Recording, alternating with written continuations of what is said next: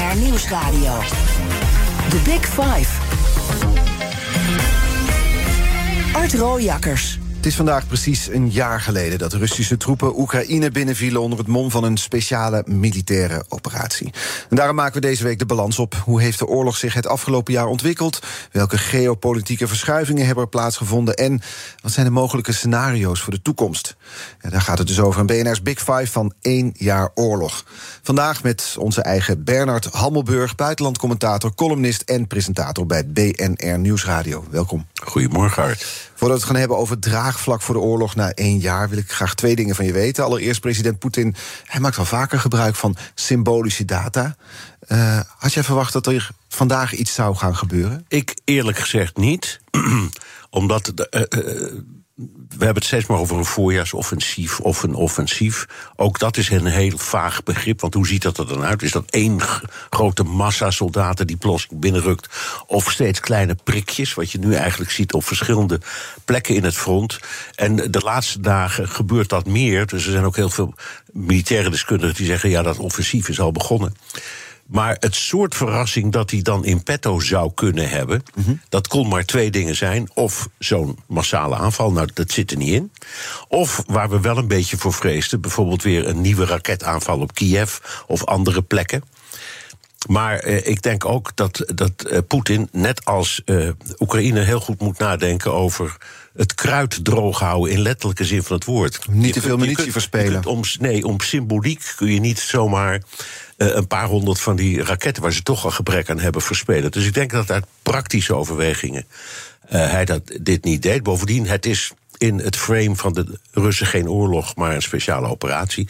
Dus waarom zou je een jaar nadat hij is begonnen er iets extra's aan toevoegen. En misschien omdat je iets van. Uh, stel dat Bagmoed veroverd was door de Russen in de afgelopen weken. Dan was dat symboliek geweest, maar ook ja. een enorme opsteker. Ja, natuurlijk. het is wel bijna zover trouwens hoor. Uh, dus de, de, ik geloof dat een van de voorsteden van Bagmoed inmiddels is gevallen. Er is een enorme discussie over, hè, omdat Biden tegen Zelensky heeft gezegd: laat dat gaan. Laat het gaan, hè? Ja, zo belangrijk zelf op een eigen belangrijk. voorjaarsoffensief. Dat is veel verstandiger. Maar Zelensky stelt daar tegenover: nee, ik zie wel in dat we dat niet, dat we dat niet houden. Maar ik kan er wel heel veel verliezen toebrengen aan de Russen. Dus ja, oké, okay, dat is zijn land, moet hij weten. Maar. Um, ja, maar ook als dat nou valt. als, je, als je op die kaart kijkt, dat doe jij net als ik, met mm -hmm. grote regelmaat. Zie je al die plekjes en er wordt heen en weer gemillimeterd. Ook als Bagmoed valt, betekent dat eigenlijk strategisch niet zo heel veel. Eerder deze week had ik het erover met Patrick Bolder... dat de Russen daar per 100 meter die ze uh, winnen... ongeveer 2000 soldaten zouden verliezen. waren berichten vanuit The Guardian had dat berekend ja. met allerlei onderzoekers. Dat zijn natuurlijk voor symboliek zijn dat enorme aantallen. Enorm. Enorm. Maar goed, het is een, een bekend thema... waar ook uh, Patrick en anderen het heel veel over hebben... Um, de, laten we maar zeggen, de andere opvatting die Russen traditioneel door de hele krijgsgeschiedenis heen hebben over uh, mensen. Dus uh, je ziet echt altijd een paar dingen. Ze zijn slecht in organiseren, maar ze zijn heel goed in het op de been brengen. Rustig aan, maar uiteindelijk wel van heel veel mensen. En ze zitten niet zo met het verlies van die mensen. Dus ze, ze kijken daar anders naar dan wij. We hadden het net al over voor de uitzending over bijvoorbeeld de Russen die in de Tweede Wereldoorlog ja. uiteindelijk Auschwitz bevrijden. Hoeveel mensen ja, dat zijn waren ze? de Sovjets. Je Sovjets. uitkijken, hè, want het waren 15 landen. Ja, precies. En dat Sovjetleger bestond uit soldaten van allerlei landen. En, en dat is ook iets wat mensen niet beseffen. Bij die bevrijding van Auschwitz waren het voornamelijk Oekraïense soldaten die dat hebben gedaan. Hoeveel manschap hebben de Sovjets destijds verloren? Naar schatting 24 miljoen. En om een idee te ik geloof de Amerikanen 220.000, ook veel, maar geen 24 miljoen. Ja.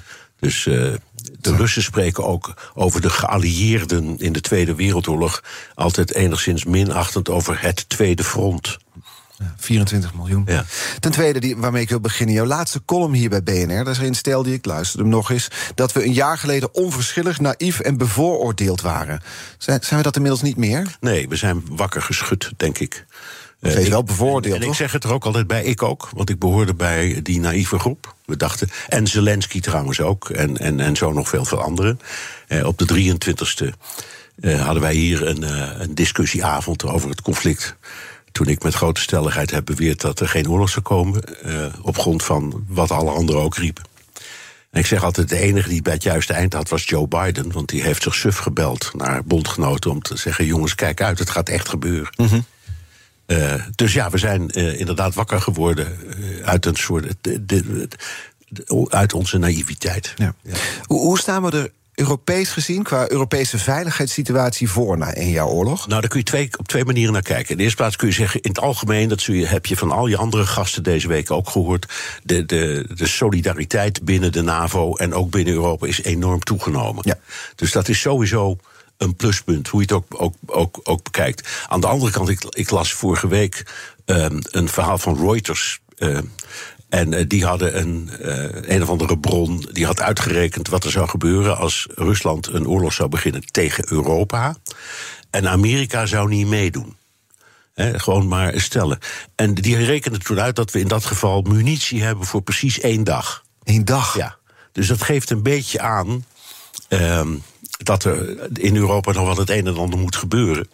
Uh, dat was ja, weer het een en ander moet gebeuren. Zij, zij, dit is, ik, dit is schokkend. Ja. Zijn, zijn Europese regeringsleiders zich hiervan bewust? Jawel, zijn ze van bewust. En als je de een na de ander zegt ook... we moeten als gekken de, de, de munitieproductie opvoeren. Ik, die, die, ik heb ook, die, ik weet niet of het die column was of een andere... die heb ik pief, paf, poef genoemd. Dat was hem inderdaad. Dat dat, dat dreigt. Um, en uh, nou ja, we, er zijn nu berekeningen over wat Oekraïne maar wegschiet. Dat is aan munitie meer dan de westerse wereld produceert. Ja, dus, daar maakte zich bij de NAVO ook zorgen om. Daar maakt bij de NAVO zorgen om. Maar het gevolg, zorgen leiden altijd tot een oplossing, tenminste bijna altijd. En in dit geval wordt de defensieindustrie dus enorm opgeport om snel bij te produceren. Uh, en dat gaan ze ook wel doen. Alleen het kost een beetje tijd. Dat is eigenlijk wat we niet hebben. Dus stel dat er nu iets onverwachts gebeurt. Ja, stel dat, er ontstaat een tweede ja. oorlog, een tweede front. Zijn we absoluut na een dag dan, zijn we uitgeschoten. Dan zijn we eruit. Ja, ja. Dat is uh, einde oefening. Dus dat is een heel. En ik, ik, ik heb ook ik, ik heb in die column ook gewezen op artikel 97 van de Grondwet. Daarin staat waarom wij een krijgsmacht hebben. Dat is ter verdediging van het Koninkrijk. En uh, voor de, het handhaven van de internationale rechtsorde. Dat betekent vredesmissies, maar ook dit, wat we nu doen. Dus dat betekent ook je, je Patriots uitlenen aan uh, aan Oekraïne. Ja. Maar wat gebeurt er dan met deel 1 van, die, uh, van artikel 97, de verdediging van het eigen koninkrijk? Nou, als er nu iets gebeurt, hebben we die gewoon niet. Dat is dus in een stel dat exercitie was dat hè, bij Reuters, waarbij Amerika Europa niet te hulp schiet. Ja. Uh, Volgens mij heeft één jaar oorlog wel duidelijk gemaakt de leidende rol van de Verenigde Staten. Zeker. En hoe ver, hoezeer wij in Europa de VS hiervoor nodig hebben. Tegelijkertijd klinken er geluiden dat die Amerikaanse steun aan Oekraïne uh, mogelijk gaat afnemen. Ja, dat, dat is het draagvlak, hebben we hier ook. Maar het draagvlak in Amerika, dat zakt. Dus uh, een maand of drie geleden was nog iets van twee derde van de Amerikaanse bevolking voor die steun. Dat is nu onder de 50, om precies zijn 48 procent gemeten door ABC. Dat is een teken aan de wand. Er ligt eh, bij het congres een republikeinse motie klaar van maar een paar leden hoor. En die luidt de Oekraïne-vermoeidheidsmotie. Um, je hebt Kevin McCarthy, de leider van de Republikeinen, die zegt: uh, we gaan uh, niet meer steeds een blanco cheque uitschrijven voor Oekraïne. En dan, dat slaat op die enorme begroting waar ze nu nog uit teren, is de mm -hmm. oude begrotingen.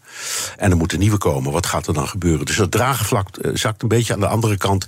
Als je gewoon naar beide partijen kijkt, dan is in beide partijen nog ruim voldoende steun om het beleid van Biden te blijven steunen hoor. Dus het, het, het is niet echt een noodsituatie. Maar je ziet dus de maar eerste tekenen het. aan de wand ja, van en, een soort verzet tegen die ruime steun vanuit Amerika ja, en, en, Oekraïne. En, en, als, zoals Wopke Hoekstra bijvoorbeeld zegt, en anderen ook, dit kan nog wel jaren gaan duren. De vraag is ook een hele redelijke van de Amerikaanse burger. We hebben nog een paar andere problemen op te lossen. Waarom moeten we zulke enorme hoeveelheden geld en, en uh, leveren ten koste van onze veiligheid? Want ook wij geven wapens weg die we eigenlijk niet hebben. En je ziet dat in Europa ook een beetje. Ja. Uh, ik, ik zeg gelukkig is het helemaal niet zo sterk nog hoor. De meeste mensen zeggen nee, dit is, we moeten wel elkaars hand vasthouden. Want tegelijkertijd benadrukt Biden, ook tijdens zijn bezoek aan Kiev natuurlijk uh, afgelopen week, dat de VS de Oekraïne zal blijven steunen zolang het nodig is. Ja, en ik denk ook dat hij dat meent en dat hij er alles aan zal doen om dat voor elkaar te krijgen. En hij weet ook wel, hij weet hoe het spel wordt gespeeld. Die man is geloof ik 36 jaar senator geweest. Dus hij kent het congres. En ik denk dat hij voldoende middelen heeft uh, om in beide huizen uh, ja, toch die steun te behouden. The Big Five. Art Rojakkers. Met vandaag de gast Bernard Hammelburg, buitenlandcommentator, columnist en presentator hier bij eh, BNR Nieuwsradio. Laten we eens kijken naar de geopolitiek. Um, de oorlog in Oekraïne heeft verregaande gevolgen voor de internationale betrekkingen. Um, een jaar geleden zag je, zei net al, je zag het niet aankomen. De oorlog, net als heel veel mensen, was op dag 1 of dag 2 voor jou meteen duidelijk: dit gaat een, een kantelpunt zijn in internationale betrekkingen? Nee, zelfs toen nog niet, omdat we toen de eerste dagen allemaal nog dachten, eh, net als de Russen, dit is een paar dagen voorbij. Uh, totdat we die, die kolonne zagen van al die auto's. En dat was overigens, ja, die stonden, er was gewoon een verkeersopstopping. Dat was het probleem. Hè? Een hele lange file We hadden allemaal hele ingewikkelde militaire uh, uh, analyses, maar ze was doodgewoon. Ze, er was maar één weg. Ze hadden een stafkaart gebruikt nog uit de Koude Oorlog. Dus de, de, dat is een van hun stommiteiten. Maar de eerste dagen dachten ongelooflijk wij, toch, ja, dachten wij allemaal: dit wordt een blitzkrieg, het is snel voorbij. Mm -hmm. Um, en, maar dat was na een paar dagen al over. Toen zagen we echt, nee, nee, dit gaat, dit gaat een tijd duren. Ja. En dat betekent dus dat zoiets als dit, zo'n oorlog zet de geopolitieke betrekkingen... of internationale betrekkingen op scherp. Er gaat van alles schuiven. Ja. Wat er is in dit afgelopen jaar het meest gaan schuiven, wat jou betreft? Um, Staat er het meest onder druk? Nou, um, ik, het, ik, eerst de goede kant, hè. De, de, de, de saamhorigheid binnen het Westers bondgenootschap is toegenomen. Maar wat we onderschatten, waar we veel te weinig naar kijken, vind ik, is naar de rest van de wereld. Er was nu vannacht weer een, een stemming in, in de Algemene Vergadering van de Verenigde Naties. 141 van de 193 stemmen hebben, eh, landen hebben gestemd voor een resolutie tegen Rusland. Overgrote meerderheid, denk Overgrote ik dan. meerderheid, maar zoals uh, Wopke Hoekstra terecht zei een tijdje geleden toen ik hem uh, interviewde daarover. Vergeet niet dat wat zich onthoudt of tegenstemt, samen meer land is en meer mensen. Dus die paar landen, zou ik maar zeggen, die niet meedoen, dat is. Dat China, India. China, India, wat dacht je van Afrika? Um, Zelensky heeft na een maand of drie, vier een toespraak gehouden tot de Afrikaanse Unie. Dat zijn 55 leden. Dat heeft hij via, via zo'n vier, vierde verbinding. Er waren precies vier van die 55 leden van de Afrikaanse Unie die inschakelden. En dat tekent dus uh, een werkelijkheid waar we te weinig rekening mee houden. Wat zegt die werkelijkheid? Die werkelijkheid zegt dat dit is inderdaad, zoals de Russen ook vinden, een conflict tussen de NAVO en Rusland. En alles wat daar buiten ligt, ja, dat ziet dat heel anders. En die zien, de, de Afrikanen hebben ook een goed geheugen. En bijna al die landen die vredesbewegingen hadden, die zijn geholpen destijds door de Sovjets. Dus die zijn nog altijd dankbaar dat Rusland ze aan hun vrijheid heeft geholpen. Dat vergeten ze niet. Dus die zijn helemaal niet zo anti-Russisch. Um, India uh, heeft net een enorme wapendeal gesloten met Rusland. Wapens kopen. Uh, olie en gas. Dat, dat gaat nu. Het is alles wat wij afbakenen met sancties. Je gaat zo maar door. Ja, er ontstaat een nieuwe markt. En dat is dan uh, Azië. En dat is heel groot. Dus je ziet eigenlijk door deze oorlog wordt eigenlijk misschien komt aan de oppervlakte wat al eerder speelde, namelijk dat het niet meer zo'n twee polen is, maar een ja. multipolaire wereld aan ja, het ontstaan dat is. Een is. Daar ik ook over met Laurien Krump, hoogleraar of onderzoeker internationale betrekkingen. Ja. Zij, dat was ook haar punt. Ja. Uh, het is een punt, en het is ook een punt dat China en Rusland allebei al een hele tijd maken, ook voordat deze oorlog begon. Uh, en daarmee bedoelen ze. Uh, de illusie bestond, wat hun betreft, dat er maar één supermacht is sinds de Koude Oorlog, en dat is Amerika. En dat is niet meer zo. Uh, dus, en dan hebben ze, gebruiken ze dat woord bi bipolair of multipolair. Mm -hmm.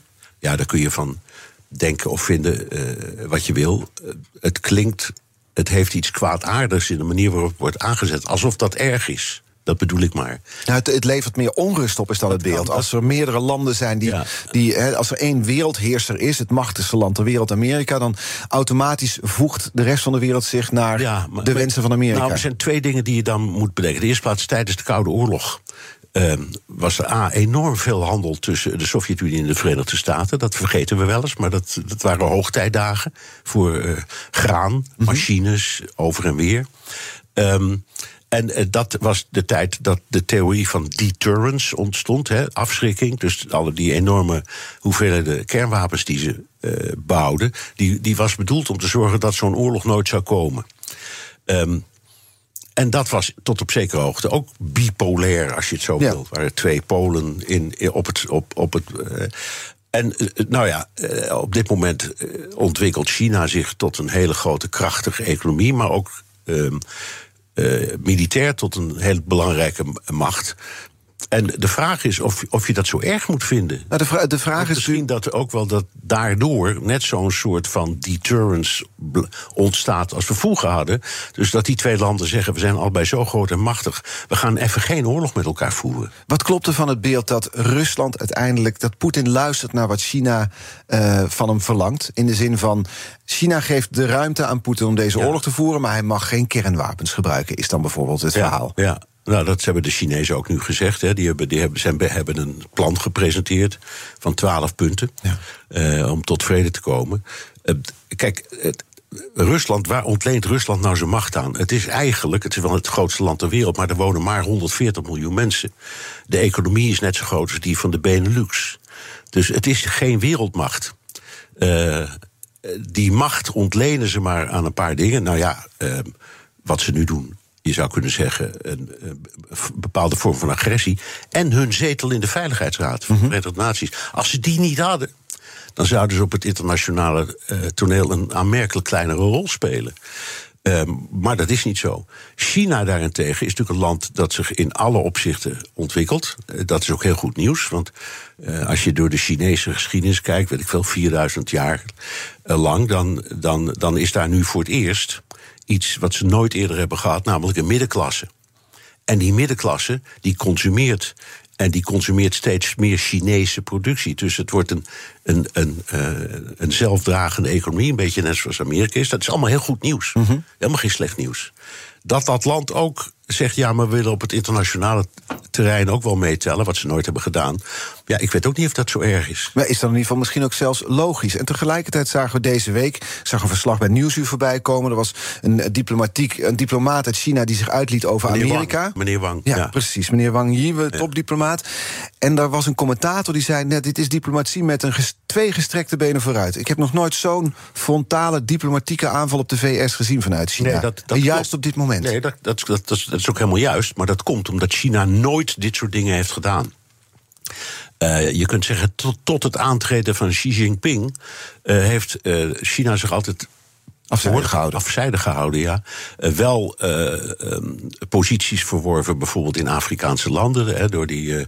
Dat noemen ze vaak landgrabbing, maar dat ze, dat ze tegen zo'n land zeggen: we willen jouw grondstoffen in ruil daarvoor krijg je van ons scholen en wegen. Dat is hun vorm van ontwikkelingssamenwerking. Het opbouwen van dat Belt and Road Initiative, waar, waarvan we nu plotseling zeggen: ja, is het eigenlijk wel zo goed? Maar dat vonden we aanvankelijk een, een, een, prima, een prima idee. Maar ehm, eh, China ontwaakt in die zin dat het zich ook druk gaat maken over wat er in de rest van de wereld gebeurt.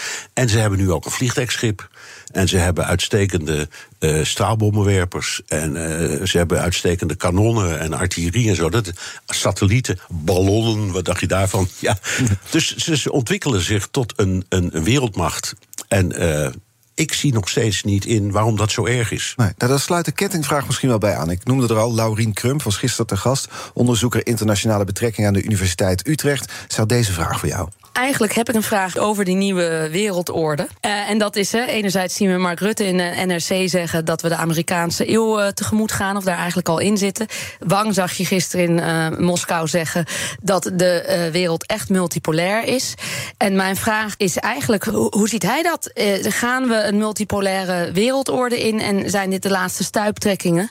Of is dit toch een soort nieuwe koude oorlog... en komt hier een nieuw bipolair model uit? Ja, ik vind, eh, er zit een zekere tegen, er zit tegenstrijdigheid in de veronderstelling dat bipolair ook betekent, of multipolair, dat de verhoudingen slecht zijn. Dat is een ander onderwerp. Als grote machten met elkaar eh, eh, leren omgaan, dan is er helemaal niks op tegen. Dus ik, ik zie niet waarom dat op zichzelf tot een soort koude oorlog moet leiden. Dat, dus ik, ik, ik, ik ben niet zo bang voor die uh, bipolaire woorden. Het antwoord strikt genomen is natuurlijk ja, het is aan het ontstaan.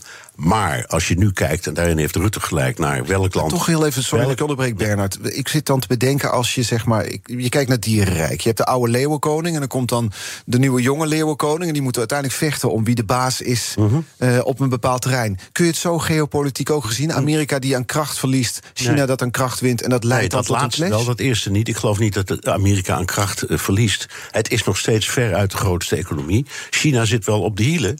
Maar als je kijkt naar het gemiddelde inkomen per inwoner of het, het, het, minimumloon, dan zit China nog mijlen ver achter Amerika. In de tweede plaats, als je de krijgsmachten met elkaar vergelijkt, dan is uh, Amerika zo superieur. Het gaat nog heel lang duren voordat China dat inhaalt. Dus uh, uh, we hebben het idee dat dat. Dat gaat niet zo snel. Ik geloof dat Amerika 13 vliegtuigschepen heeft. En China nu één of twee. Daar, daar moet je naar kijken, naar dat soort dingen. Ja. Dus militair is het nog niet zo'n hele grote macht. Economisch wel. Um, uh, en het enige zeggen, wat, waar de Amerikanen zich zorgen over zouden moeten maken, is het feit dat China een heel groot deel van de Amerikaanse staatsschuld bezit. Ja, ja. Dat is eng. We gaan er zo over verder spreken. Uh, volgende maandag is trouwens Meili Vos, PvdA-lijsttrekker voor de Eerste Kamer, te gast in een nieuwe week. Waarin Diana Matroos, mijn collega, in aanloop naar de provinciale statenverkiezingen in gesprek gaat met vijf verschillende lijsttrekkers. Als je abonneert op onze podcast via je favoriete podcastkanaal, dan hoef je geen aflevering te missen. Ook van deze afgelopen week dus niet. En zometeen praat ik verder met buitenlandcommentator Bernard Hammelburg over het herstel van de NAVO. Blijf luisteren.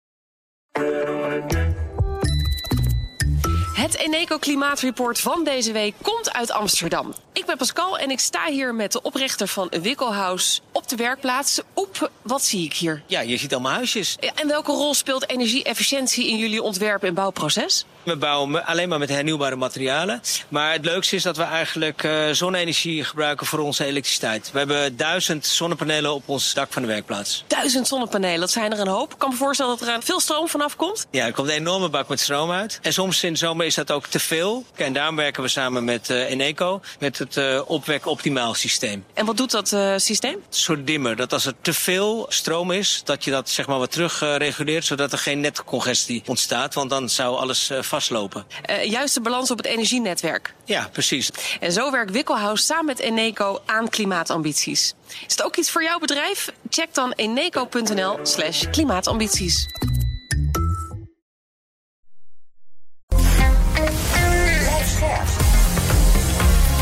BNR Nieuwsradio. The Big Five. Art Rooijakkers. Welkom bij Tweede Half Uur. Deze week vijf experts rondom één jaar oorlog in Oekraïne. Vandaag is dat zo.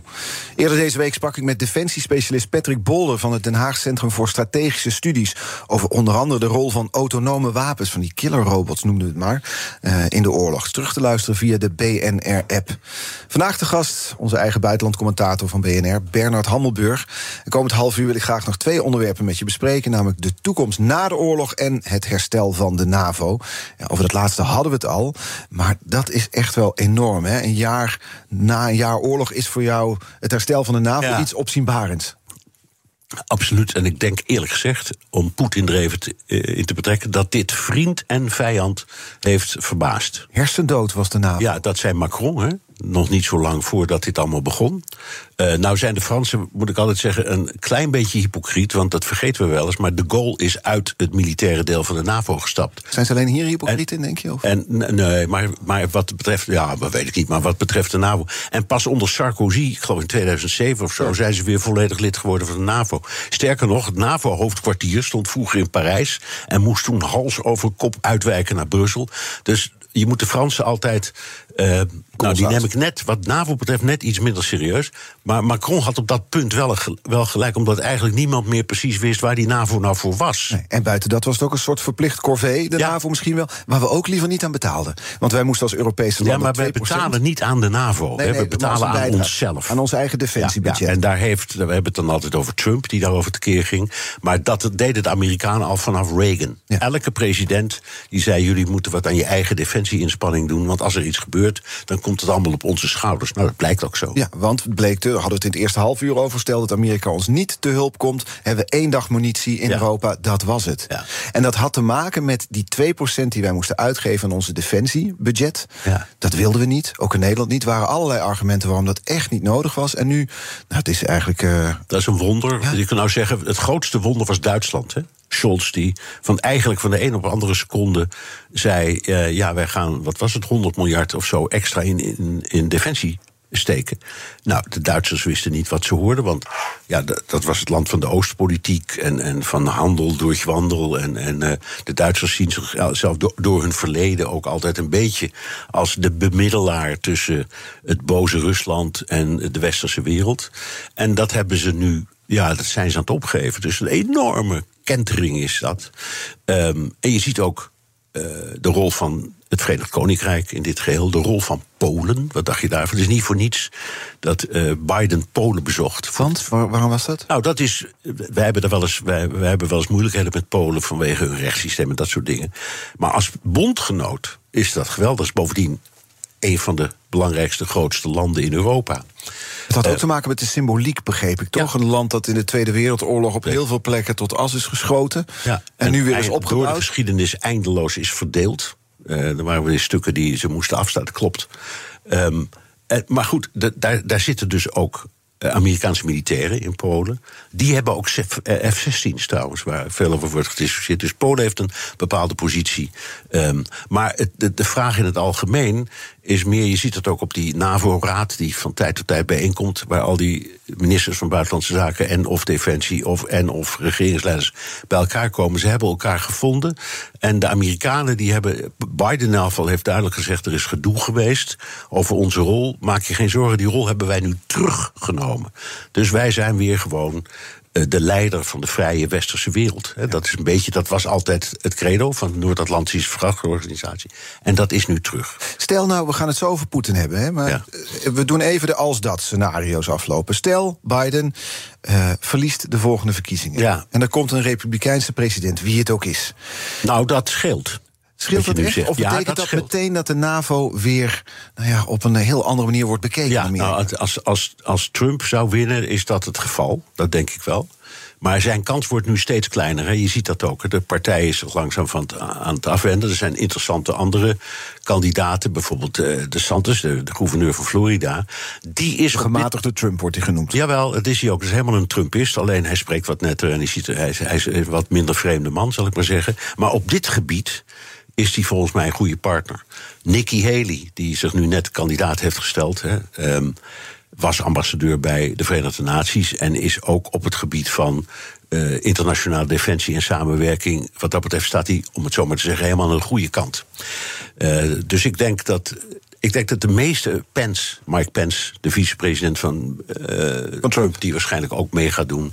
En zo zijn er nog meer. En op, op dit punt denk ik dat Was Trump de af, het afwijkende en ja, zal de rest en, van de en viel uiteindelijk ook wel mee. Maar die heeft natuurlijk de hele wereld aan, enorm aan het schrikken gemaakt. Toen die zei helemaal aan het begin al... van nou ja, als er een Russische militaire laars in Letland wordt gezet... dan weet ik niet of ik daar meteen artikel 5 voor zou inroepen. Nou, dat was echt... Toen schrok ieder zich, helemaal rot. Van wat krijgen we nou? En nu zitten we in een volkomen anders En nu is het andersom. Namelijk dat Poetin, hè, de klachten waren eh, ook richting de NAVO. In eerste instantie was het demilitarisatie, denazificatie. Inmiddels zegt hij nee, ik ben in oorlog, wij zijn in oorlog met de NAVO. Ja, Heeft hij een punt? Ja. Ik vind eigenlijk van wel. Het is ook iets wat Lavrov, zijn minister van Buitenlandse Zaken, al heel snel zei. Die, want die zei namelijk: als je jullie, het Westen, Oekraïne zo vol pompen met de meest geavanceerde wapens.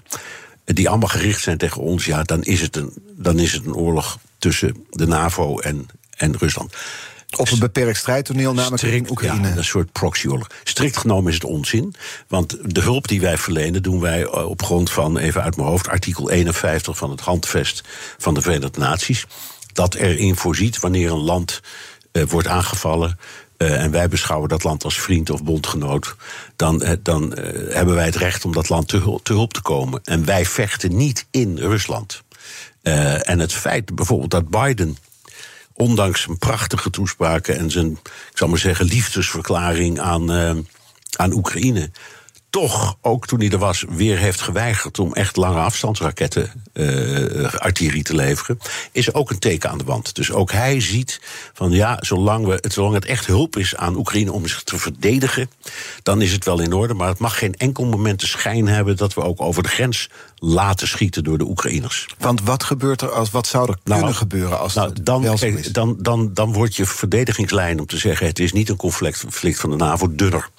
Eh, dat, daarom is er ook die discussie over F-16's. Dat is een wapen waarmee je. Dat, is, dat vliegt zo snel. Dat is in, in, in 10 minuten dwars door heel Oekraïne heen op Russisch gebied. Of kan net vanaf de grens. eh, met de raketten ver in het Russisch gebied eh, doelen treffen. Dus de Amerikanen willen. Die gaat ook niet gebeuren hoor, denk ik. Maar die, die discussie over artillerie is interessanter, want ze hebben nu die HIMARS. Nou, daar kun je 150 meter mee schieten. 130, 140. Eh, en wat de, wat de Oekraïners hebben gevraagd is een ander systeem waarmee je 300 kilometer kunt schieten. En daarvan zegt eh, Biden: dat doe ik niet. Nee, omdat het risico te groot is dat ze ook bijvoorbeeld op Russisch grondgebied Ja, toeslaan. en dan- Tegelijkertijd Nee, hebben nee. ze al. Ja. eh, je gang. Nee, nee, maar is één ding wat ik daarbij aanvul. De vraag is: wat is nou Russisch gebied? Want Rusland. Dat dat geannexeerde gebied ook Russisch al is. Russisch, ja. Maar de, eh, er zijn al eh, aanvallen geweest, zal ik maar zeggen. Bijvoorbeeld op vliegbasis Engels, diep in Rusland. Dat is natuurlijk niet bevestigd wie het waren, maar iedereen denkt dat het Oekraïne was dat erachter zit. Met, met drones waarschijnlijk. Op in ieder geval zijn daar, is dan een aanval gepleegd. Dus het gebeurt al. Het gebeurt allemaal heel weinig. Eh, en bij Rostov is ook zo'n aan, eh, aanval geweest. Maar het zijn er een paar. Speldenprikjes, dat kan dan nog wel. Het is niet structureel. Dat is niet structureel, nee. Daar moet je echt mee uitkijken. Dat is nou inderdaad, je had het over geopolitiek. Ik vind dat het een lastig woord, geopolitiek. Ja, wat is maar het is nu typisch een geopolitieke schaakpartij. Een puzzel. Hoe, hoe, welke stelling betrek ik hier en hoe los ik het op? Het voelt ook wat kunstmatig, hè? Ja. Dus dat je als NAVO wel wapens geeft, Ja, zodat tuurlijk. Oekraïne zich kan verdedigen. Waardoor het een oorlog wordt die beide partijen niet kunnen winnen. Maar ze mogen het ook allebei niet verliezen. Het is een soort, we, we leveren ze net genoeg voor een gelijkspel. Helemaal mee eens. En ze hebben diep verontwaardigd als er een gerucht is dat China misschien Rusland wapens levert. Ehm, ja, als dat gebeurt, dan is, eh, zijn de raap, rapengaarden. En dan denk ik ook, maar wij doen het toch ook aan Ja. Oekraïne. Dus waarom zouden zij dat niet aan hun bondgenoot mogen doen? Het antwoord is natuurlijk: die bondgenoot is niet aangevallen. Afijn, je kunt, eh, eh, zeggen, internationaal juridisch klopt het allemaal. Maar het is, we, we marcheren over de rand. In hoeverre is het zorgelijk wat je ziet gebeuren, die, die, die steun van de NAVO? Nou, ik, ik, ik, ik ben het wel eens met al die mensen, inclusief onze eigen eh, regering en parlement, die zeggen: we moeten dat doen.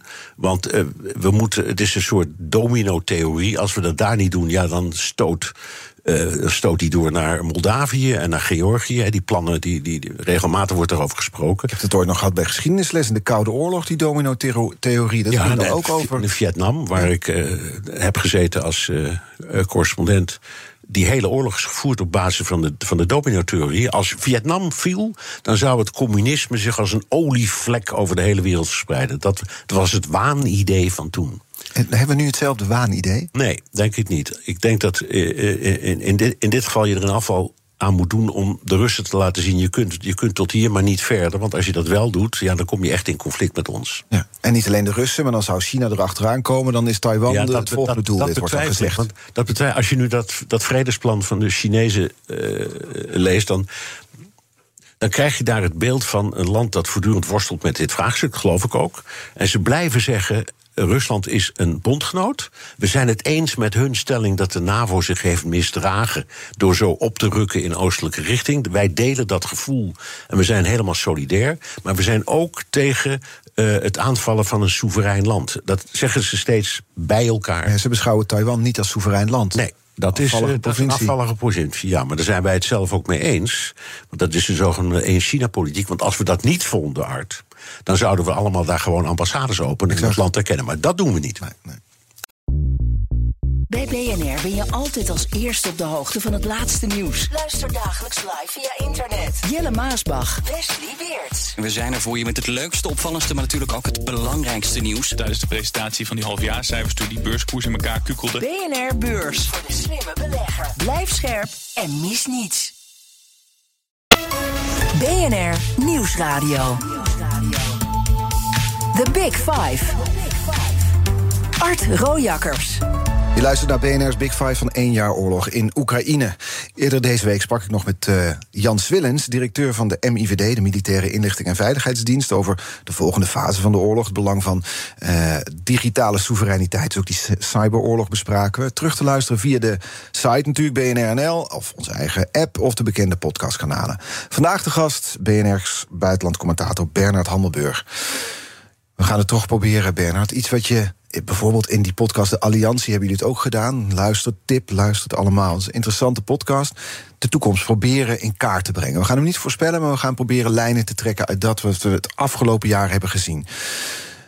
Welke doelen zijn er nog? Als we kijken bijvoorbeeld aan de kant van Zelensky. Wat is nou het doel waar hij zich op richt? Het doel waar hij zich op richt, dat formuleert hij ook, is uh, gegeven de omstandigheden, en die toevoeging is heel belangrijk, kan ik niet anders dan het hele bezette gebied terugeisen, inclusief de Krim.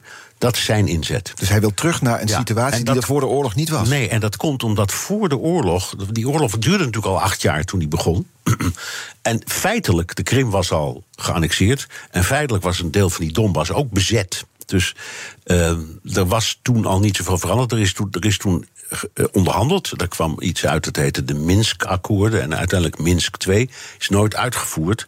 Maar dat voorzag, een beetje in het. het uh, het, het, je neerleggen bij de status quo van toen. Dus ja, dan zou dat. Zou Oekraïne zou een federatie worden, een soort België met een, een deel van het volk in het oosten dat meer pro-Russisch was... en een deel in het westen dat meer pro-westers was. En inmiddels zegt hij, daar wil ik niet terug naartoe, nee, ik wil nu het hele land. Nee, precies. En uh, toen was Rusland ook nog niet aan deze oorlog begonnen. Dus hij is daar als het ware op teruggekomen... en heeft zijn, zijn eisen verhoogd.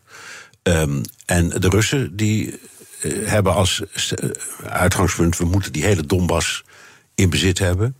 En uh, eerst dachten ze, we kunnen ook die, uh, die Zelensky wel wippen en hem door een, marionet vervangen. Nou, dat, dat is niet gelukt. -hmm.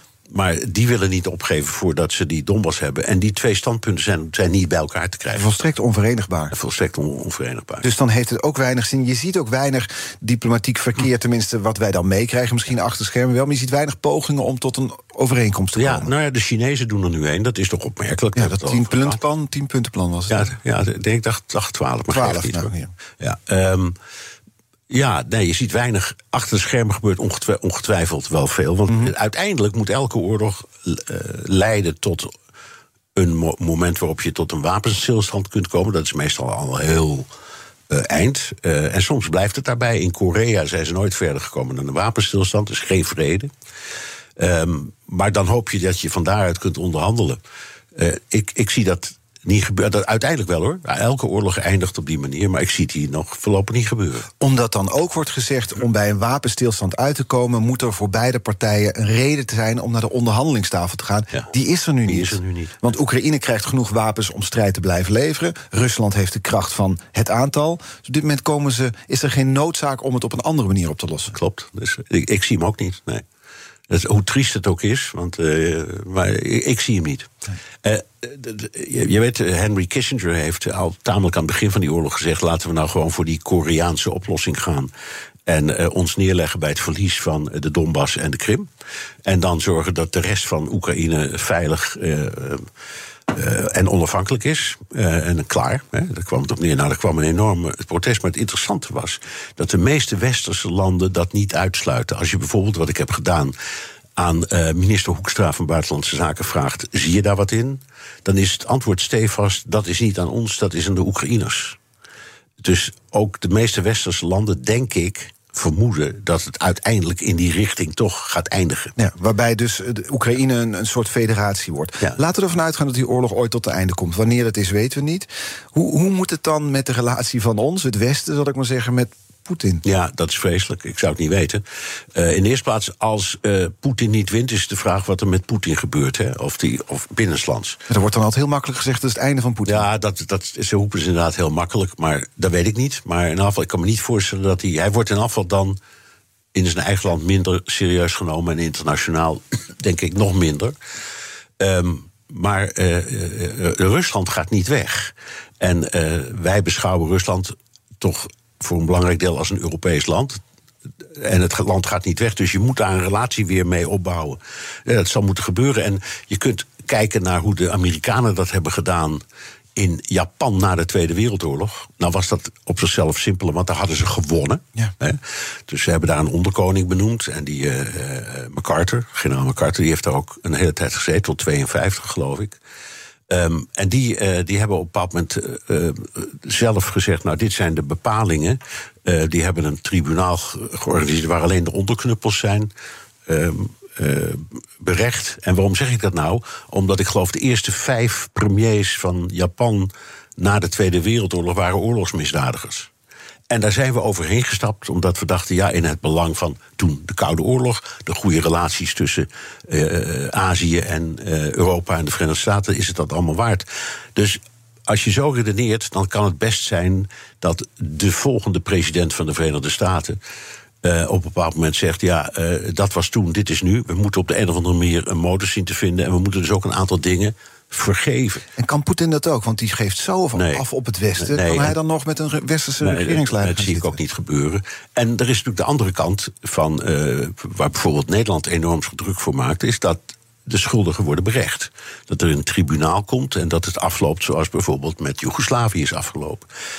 Weet ik niet. Ik weet niet of het lukt. Um, het is natuurlijk een heel sympathiek plan om te zeggen: je moet de schuldigen straffen en dan moeten we overgaan tot de orde van de dag. Dat geeft ons ook de mogelijkheid om die relatie te herstellen. Maar goed, uh, de Russische grondwet overigens uh, verbiedt het uitleveren van uh, burgers aan het buitenland. Dus ook als zo'n tribunaal er zou komen, komt er nooit één Rus voor het hekje. Laten we twee dingen snel even afchecken. Gaat Oekraïne ooit lid worden van de NAVO? Ja, nee? Uh, ik, nee. nee. Europese nee. Unie lid? Uh, ja. Maar, maar niet in twee jaar. Dat wordt gewoon de, minstens de tien jaar die daarvoor staan. Gewoon achteraan in de rij aansluiten. Ja hoor, er zijn drie andere kandidaten die wachten ook al heel lang. Dus uh, ja. die gaan voor. Er is jou veel gevraagd wat je over een jaar doet op deze datum. Laten we wat verder vooruit kijken. Dit programma heet de Big Five. Denk je dat wij in februari 2027 een Big Five van vijf jaar oorlog maken? Jo. Dat, ik, laat ik het zo zeggen, ik hoop van niet hard. Ik weet het niet. Dat, ik, ik, dat weet ik niet en ik hoop van niet. Nee. Nee, echt niet. Het is... Er valt niets te zeggen over de afloop van deze oorlog. Nee. We kunnen zelfs een jaar verderop niet nee. Ik, ik, ik, heb tien jaar bijna alleen maar oorlogen verslagen in mijn carrière. En ik ben altijd verbijsterd geweest over wat er allemaal gebeurt... en hoe, hoe ongelooflijk vreed het is... en hoe, hoe lang het duurt voordat mensen tot het besef komen... dat je ermee moet stoppen. Kan het dan wel opeens snel gaan? Ja, dat kan wel snel gaan. Als je eenmaal gaat zitten, dan kom je er ook wel uit. Ja, dat, nou, snel, dat kan zo een jaar duren of iets. Maar op het moment dat de onderhandelingen beginnen, is er hoop. Maar dat is nu nog ver. Nee, dat, dat, is nu, dat is nog en we hebben net geconstateerd samen dat er aan beide kanten weinig animo is... Nee. en ook weinig reden om tot die onderhandelingstafel te komen. Nee, geen. Nee. Met jou, al jouw ervaring, al die oorlogservaring... is dat dus een trieste vooruitzicht? Ja, het is, het is een heel triest vooruitzicht, ja. ja. En... Uh, um, ook al omdat, nogmaals, we hebben het erover gehad, maar je moet ook in het Westen het draagvlak houden om het te steunen. Maar dat geldt ook voor Rusland hoor. Want nu heeft Poetin nog redelijk veel steun van, ze, van, de, van, de, van de bevolking. Maar ook dat kan op een bepaald moment minder worden. als blijkt dat de mobilisatie niet beperkt is, maar meer en groter wordt. En mm -hmm. meer mannen naar het front gaan. Ja, dan krijg je misschien ook daar problemen. Weet ik niet. Dank voor de woorden en de uitleg het afgelopen uur, Bernard Hammelburg. Je mag nog één ding doen, en dat is de kettingvraag. Een korte, bondige vraag aan onze volgende gast. Meili Vos is dat, PvdA-lijsttrekker voor de Eerste Kamer... in een nieuwe Big Five-week rondom de Provinciale Statenverkiezingen. Volgende maandag begint Diana Matroos ermee, mijn collega. Wat zou je Meili Vos willen vragen? Ja, ik vind dat hele idee van lijsttrekkers onzin... want wij, kiezen, wij stemmen helemaal niet op de Eerste Kamer. Dat zijn getrapte verkiezingen. En dat brengt mij wel tot een vraag. Er is nu net, uh, na een actie van Eelco Keij, een D66er, met een groep andere mensen een regel tot stand gekomen, een toevoeging gemaakt aan uh, het systeem. Er is een extra kiescollege voor Nederlanders in het buitenland. Die kunnen dus meestemmen voor de Eerste Kamer. Mm -hmm. Waarom kunnen jij en ik niet op een kiescollege stemmen in plaats van die ingewikkelde weg via de uh, provinciale staten. Dus dat zou ik graag van Meili Vos willen horen. Oké, okay, we gaan het er uh, voorleggen. Tenminste, dat gaat Diana Matroos dus doen. Dan hoop ik ook dat ze vraagt naar... de PvdA ging een town hall meeting organiseren. Vond ik zo Amerikaans klinken, terwijl het de provinciale statenverkiezingen zijn. Ja. Misschien komt dat ook nog wel te sprake. Wonderlijk was dat. Dank Bernard Hammelburg, buitenlandcommentator, columnist en presentator bij BNR Nieuwsradio. Ehm, onze afleveringen van de Big Five zijn terug te luisteren. Je kunt je abonneren op onze podcast via de app of je favoriete podcastkanaal. Dan hoef je geen aflevering te missen. Deze week ging het de hele week over één jaar oorlog. Ze zijn dus allemaal terug te luisteren als podcast. En nu op deze zender, Nina van den Dungen met BNR Breekt... gaat ook over dat jaar oorlog. Moeten we onze steun opvoeren, ja of nee? Alvast een fijn weekend. Bij BNR ben je altijd als eerste op de hoogte van het laatste nieuws. Luister dagelijks live via internet. Jelle Maasbach. Wesley Weerts. We zijn er voor je met het leukste, opvallendste, maar natuurlijk ook het belangrijkste nieuws. Tijdens de presentatie van die halfjaarcijfers toen die beurskoers in elkaar kukkelde. BNR Beurs. Voor de slimme belegger. Blijf scherp en mis niets.